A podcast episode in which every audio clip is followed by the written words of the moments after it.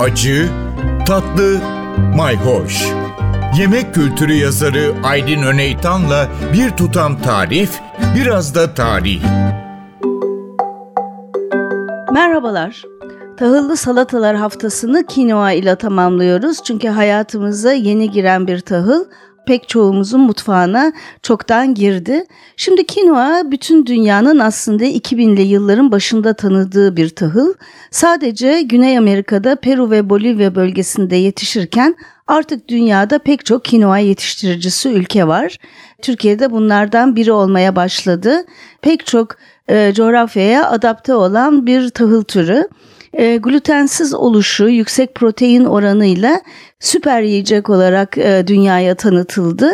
Şimdi burada ekonomik olarak da birazcık da hüzünlü bir hikaye var e, e, kinoayı yetiştiren yerliler için. 2000'li yılların başında özellikle de 2005-2013 arasında çok ilginç bir kinoa vakası yaşanıyor.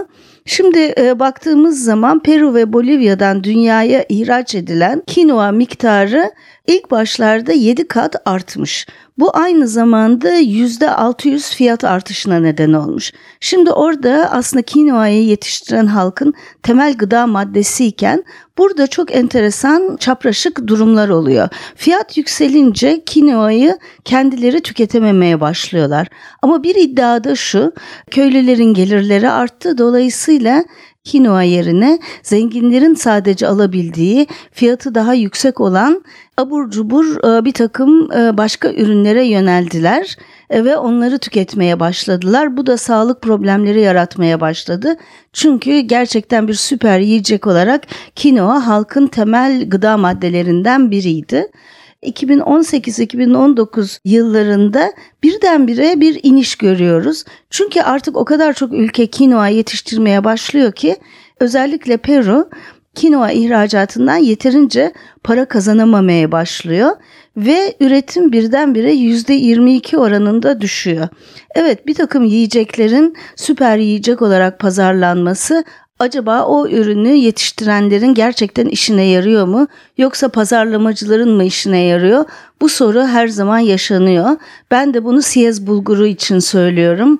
Her zaman acaba siyezi yıllardır, binlerce yıldır sürdüren özellikle Kastamonu'daki yetiştiricilerden acaba gerçekten siyez alan büyük üretici var mı?